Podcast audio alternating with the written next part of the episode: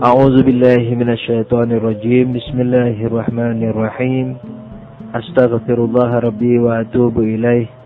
والحمد لله رب العالمين. ثم الصلاة والسلام على أشرف الأنبياء والمرسلين. حبيبنا وحبيب رب العالمين أبي القاسم محمد. اللهم صل على محمد وآله. وعلى آله الطيبين الطاهرين المعصومين المنتجبين. Amma ba'du Assalamualaikum warahmatullahi wabarakatuh. Alhamdulillah pada kesempatan kali ini Kita bisa meneruskan pelajaran kita Yaitu kajian logika Pertemuan ke-21 di mana kita telah memasuki pembahasan empat perhubungan yang masih eh, tersisa sebagiannya di mana eh, insya Allah pada pertemuan kali ini kita akan selesaikan sisa daripada empat perhubungan tersebut atau dengan kata lain dua hubungan dari empat perhubungan tersebut. Pada pelajaran 20 eh, kita telah membahas maksud daripada empat perhubungan dan kita juga telah membahas hubungan pertama dan hubungan kedua yaitu hubungan sama dan hubungan umum dan khusus mutlak.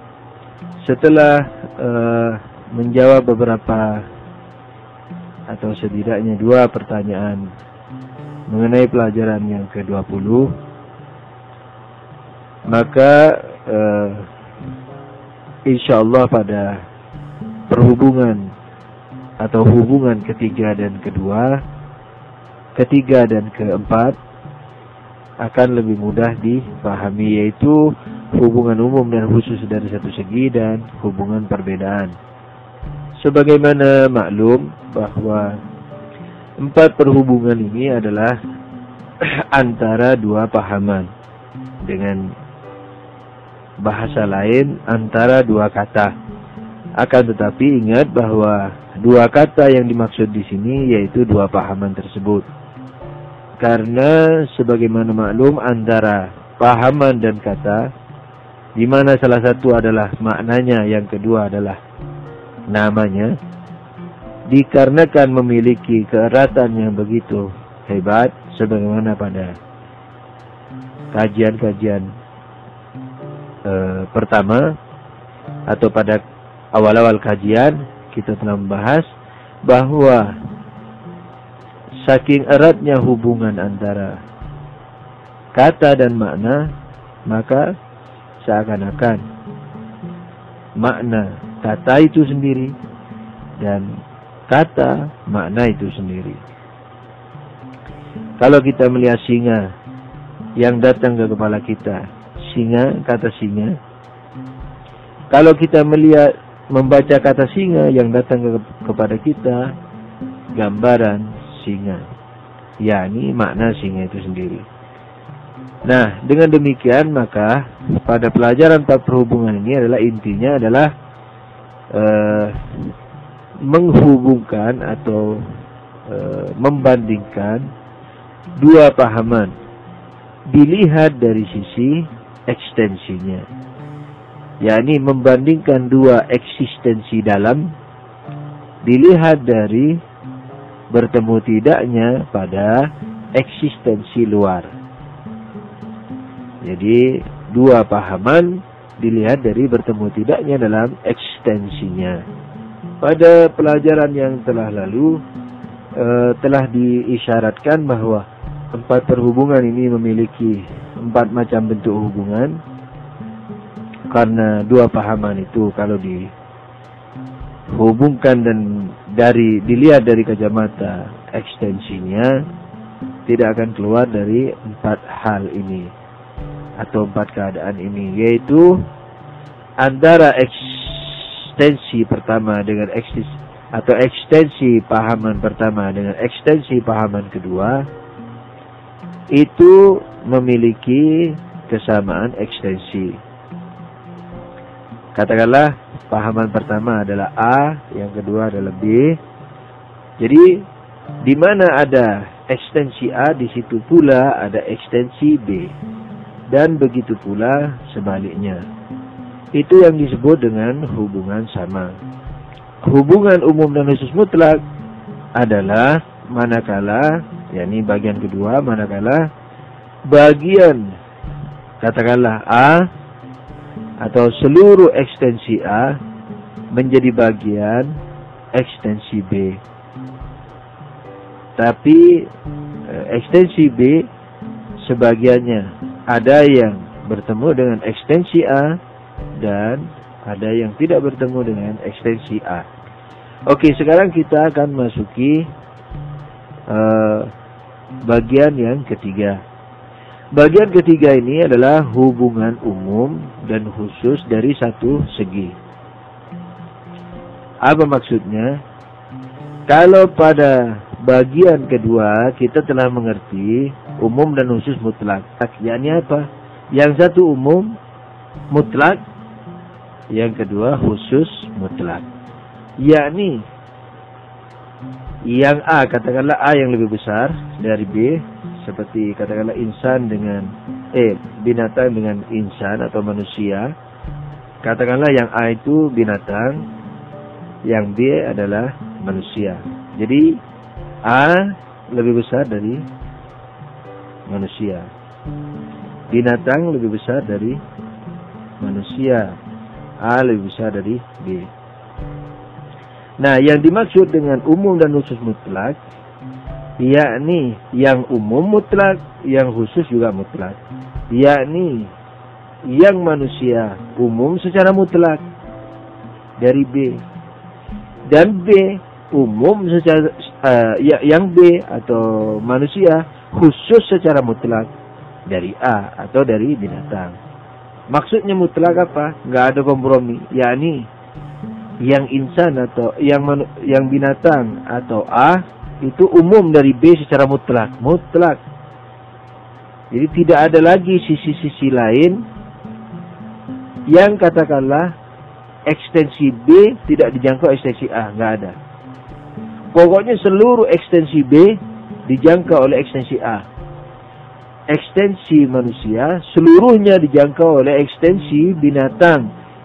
Seluruhnya, tidak ada di sisi lain dari B yang tidak dijangkau A. Akan tetapi A juga memiliki di samping memiliki seluruh ekstensi B, dia juga memiliki ekstensi yang terkhususkan secara tersendiri. Jadi dengan demikian dia mutlak, umum mutlak. Umum mutlak yakni tidak ada sisi lain dari B yang tidak dijangkau A, tidak ada sisi lain dari sis eh, dari uh, uh, manusia yang tidak dijangkau binatang. Jadi seluruhnya dijangkau. Dan di samping itu sudah tentu yang A atau yang binatang ini memiliki ekstensi lain yang tidak dijangkau oleh B atau manusia. Ini arti mutlak. Kalau dilihat dari B juga mutlak, B-nya khusus secara mutlak. yakni secara mutlak dia khusus, tidak punya keumuman sedikit pun dari A. Jadi seluruh ekstensi B atau seluruh ekstensi manusia dijangkau oleh ekstensi A atau ekstensi uh, uh, binatang. Akan tapi B tahu bahwa di situ ini bahasa awamnya tahu ya.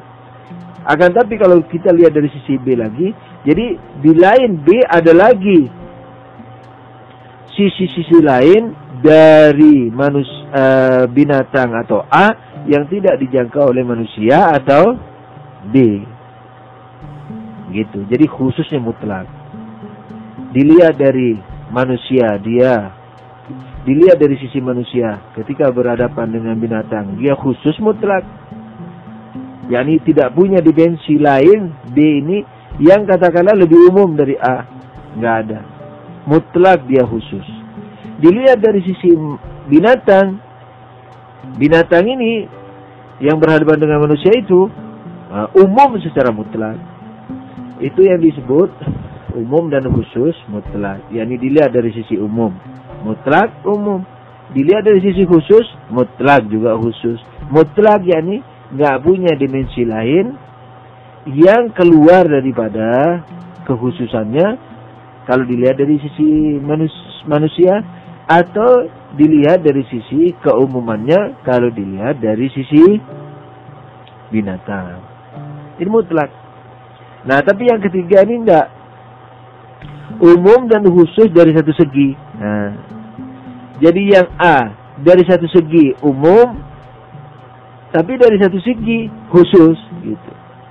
Yang B juga begitu. Khusus dari satu segi, umum dari satu segi. Jadi masing-masing punya keumuman dan masing-masing punya kekhususan. Dengan bahasa sederhana, A dan B bertemu pada sebagian, berpisah pada sebagian.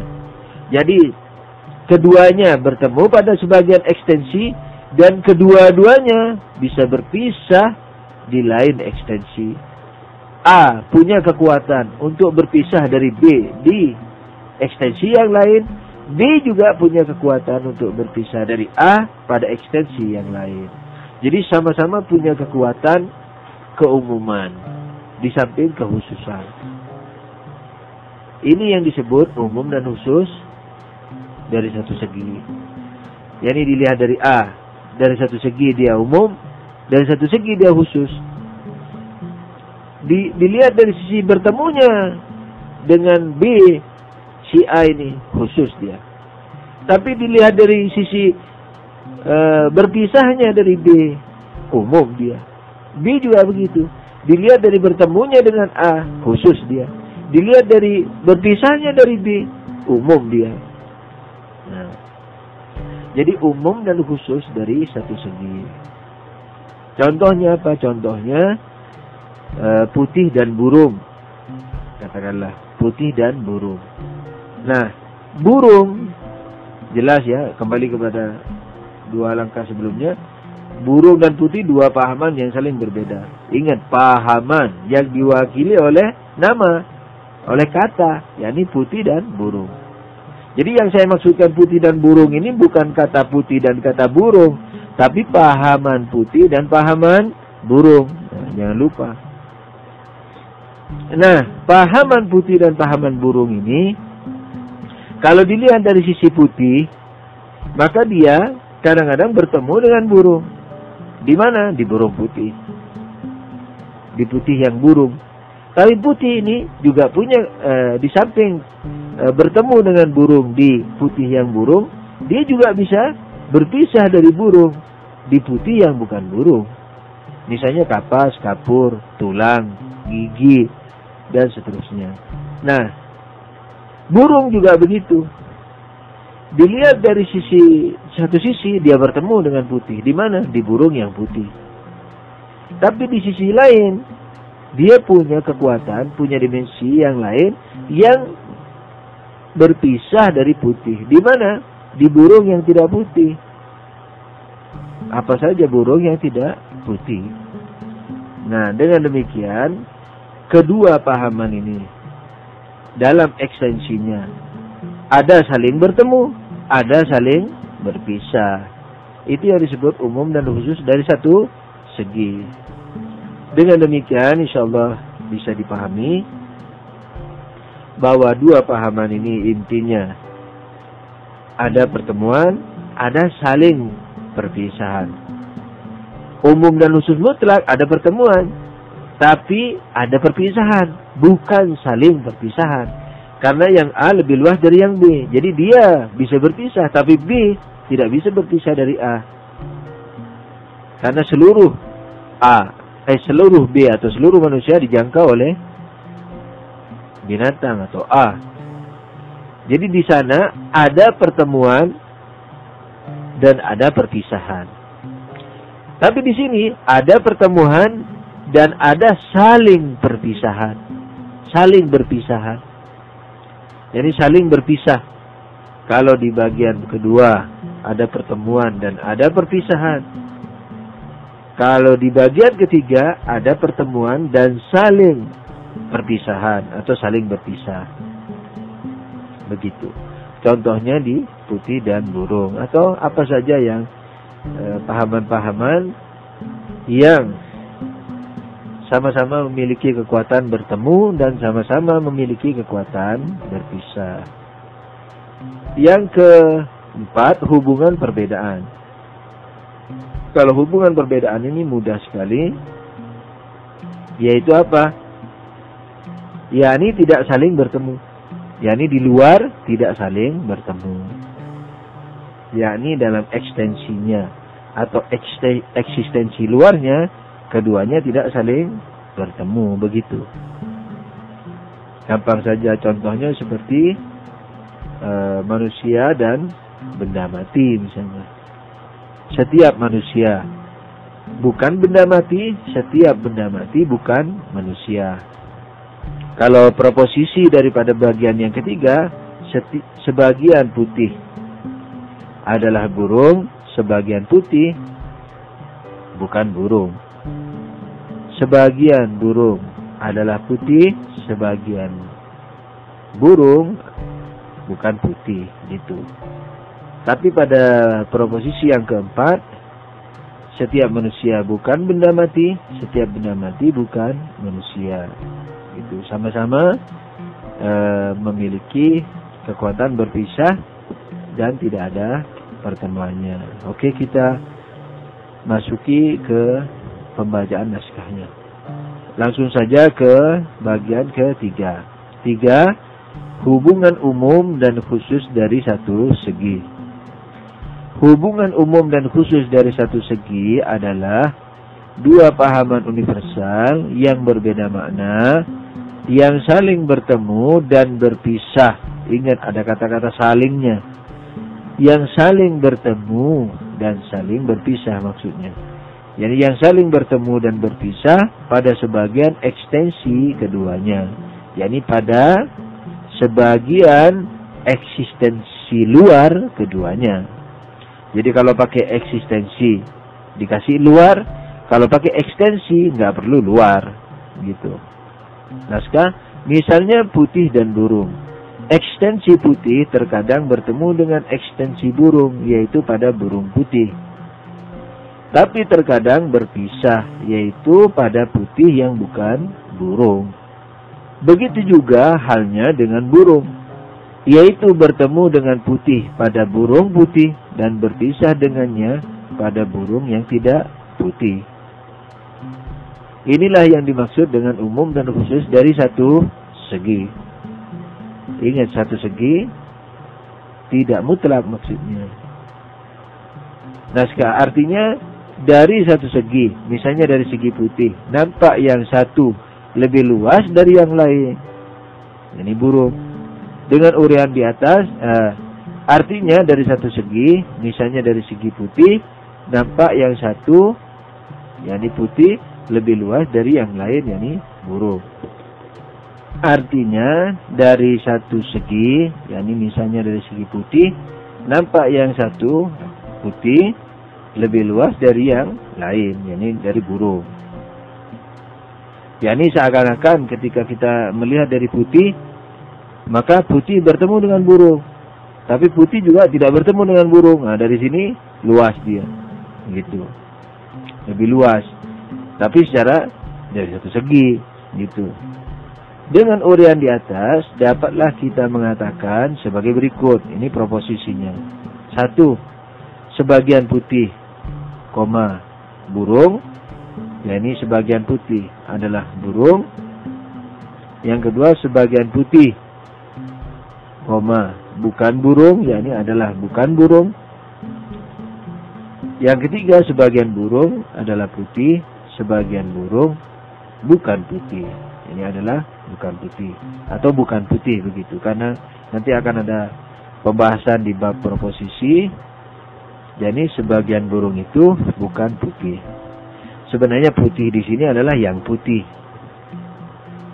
Gitu. Put, yakni eh, kalau putih itu disebut aksidental, kalau yang putih disebut eh, sifat gitu. Ada perbedaan putih dengan yang putih. Jadi kalau putih itu esensi putih. Kalau yang putih itu adalah sifat. Jadi ada sedikit perbedaan. Anyway, insya Allah ini karena masih pembahasan sederhana, tidak dipecah dulu sebab e, takut pecah konsentrasinya. Jadi yang jelas walhasil kita melihat katakanlah e, terserah bisa dilihat dari putih esensi, kemudian burung esensi, tidak ada masalah. Jadi di sini dua-duanya bisa dilihat. Jadi putih boleh, yang putih juga boleh. Oke, kita teruskan. Kalau putih kita ganti dengan huruf A dan burung dengan huruf B sedang bertemu lebih khusus dan berpisah lebih umum.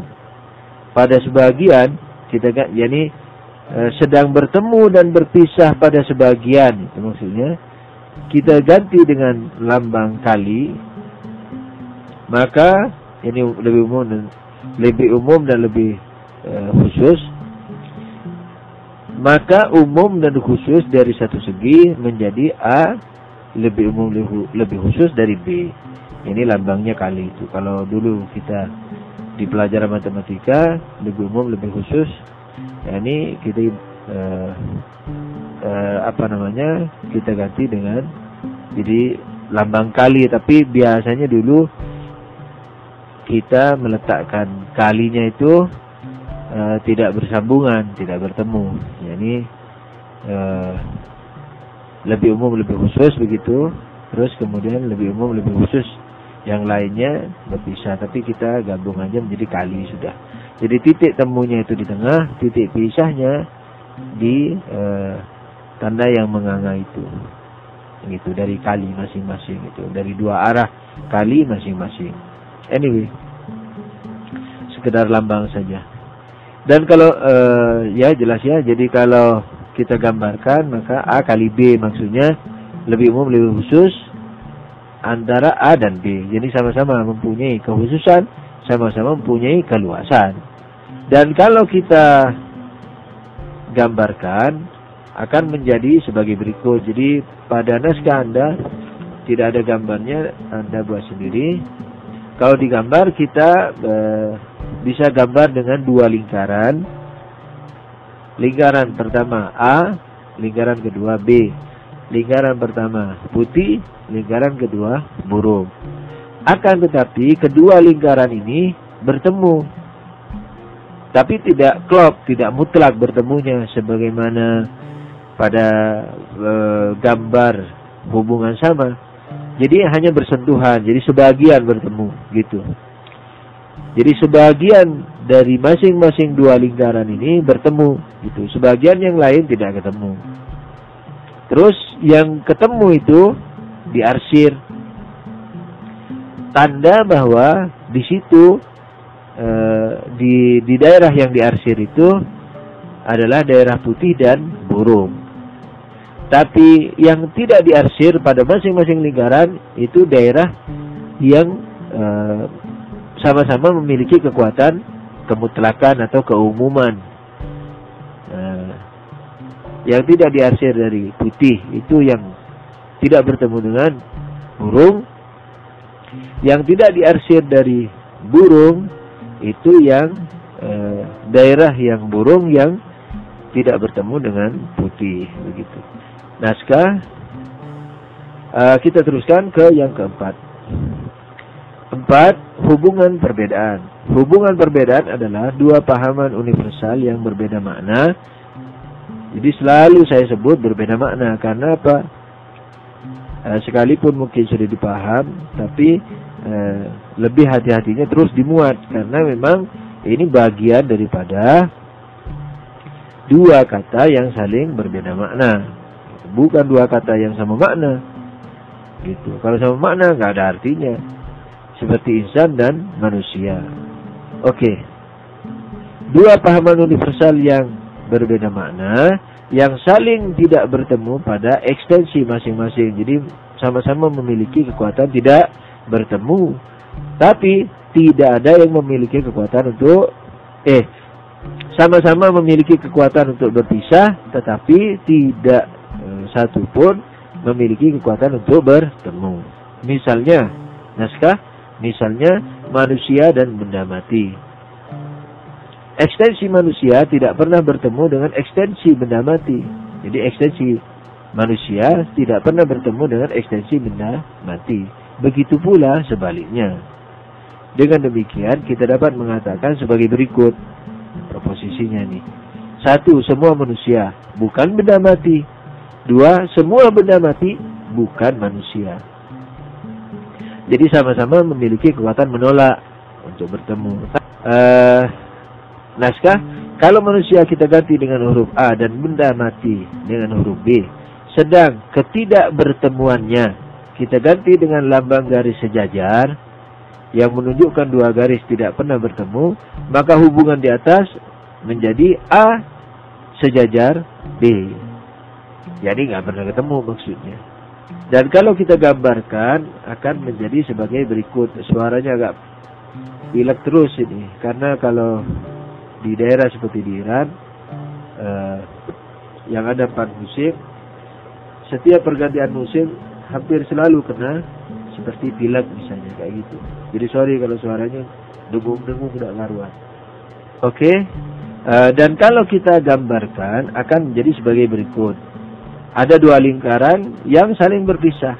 Ya ini tidak ketemu gitu. Kalau pada gambar ketiga dua lingkaran bertemu pada sebagiannya, ini enggak bertemu, sama sekali enggak bertemu. Lingkaran A adalah manusia, lingkaran B adalah benda mati. Yakni apa? Yakni setiap manusia bukan benda mati dan setiap benda mati bukan manusia karena tidak ada daerah yang e, di situ ada manusia dan juga ada benda mati. Dan perhatikan diagram halaman berikut. Ini di naskah Anda tidak ada diagramnya. Jadi diagram dari seluruh pelajaran empat perhubungan ini. Jadi ada uh, hubungan pahaman universal. Dari situ pecah menjadi empat. Sama. Umum dan khusus mutlak. Umum dan khusus dari satu segi. Dan perbedaan. Jadi dari hubungan pahaman universal ini pecah menjadi empat sebagaimana yang telah disebutkan tadi. Sekian dahulu pertemuan kita yang ke-21 ini. Semoga uh, menambah informasi kita dan uh, menjadi bekal takwa kita. Ingat, logika ketika dijadikan alat takwa, jadi harus konsekuen membela kebenaran sesuai dengan yang kita capai dengan logika. Jadi sering orang bingung bagaimana mengamalkan ilmu seperti logika dan filsafat. Ya amalkan aja sesuai dengan apa yang eh, telah dibuktikan dengan rumus. Kalau misalnya jangan bicara dengan perasaan, jadi maksudnya kecuali bikin syair. Misalnya jangan bicara misalnya ilmiah dengan perasaan, bicara dengan logika, dengan dalil, ya dengan dalil. Ya berdebat dengan dalil, jangan berdebat sambil merasa sakit hati hatinya. Itu namanya perasaan. Jadi ketika masalah ilmiah, hindarkan dulu perasaan. Tentu tata kerama lahiriah, sopan santun dijaga. Tapi di hati kita harus disingkirkan itu anunya. Tersinggung lah. Jadi menyalahkan atau disalahkan tidak boleh dengan sakit hati. Jadi dengan kepala aja. Dengan argumentasi. Misalnya gitu ngamalkan logika. Tidak mendefinisikan sesuatu rancu. Dengan rancu. Ah, itu berarti tidak mengamalkan logika sembarangan misalnya ngomong politik itu kan jahat nah, misalnya kan sembarangan itu politik itu kotor kan sembarangan emangnya definisi politik kotor nah itu tidak mengamalkan logika misalnya gitu kecuali kalau memang yang dimaksudkan itu mendefinisikan kelazimannya bukan mendefinisikan esensinya misalnya lazimnya orang berpolitik misalnya kotor itu pun lazim tidak pada semua orang. Kalau politik yang benar, politik itu kan mengatur umpamanya. Itu tidak ada masalah. Anyway, jadi ini uh, sekedar uh, selalu nasihat dari saya untuk saya dan antum semua bahwa apa pun ilmu yang kita dapatkan, kalau kita amalkan kita akan mendapatkan ridho dari Allah dan kesalahannya insya Allah diampuni karena tidak sengaja berarti. Gitu. Tapi kalau tidak bela uh, belajar dan tahu tidak diamalkan atau malas belajar itu ada kemungkinan tidak dimaaf oleh Allah kelirunya. Gitu. Jadi istilah tidak tahu dalam hakikat nggak ada. Jadi yang dimaafkan yang tidak tahu itu adalah apa? Yang tidak bisa mencapai tahu. Jadi ingin tahu tapi nggak ada pembimbing. Sudah mentok dia berpikir. Tidak ada. Berpikir mentok pembimbing nggak ada. Keliru. Sementara dia punya semangat untuk tahu Nah, itu insya Allah dimaaf oleh Allah. Tapi kalau dia sudah tahu atau dia tidak ingin tahu, salah, insya Allah kemungkinan besar ini tidak dimaaf oleh Allah. Subhanahu wa taala. Mudah-mudahan semua yang kita lakukan ini mendapat ridho dari Allah dan menjadi bekal takwa kita sehingga menjadi uh, membuahkan kebaikan kepada kita di dunia dan di akhirat nanti. Dengan kebesaran Allah Subhanahu wa taala dan kesucian Rasulullah dan ahli baitnya alaihi. Eh, amin ya rabbal alamin. Allahumma salli ala Muhammadin wa alihi tahirin. Wabillahi taufiq wal hidayah. Wassalamualaikum warahmatullahi wabarakatuh.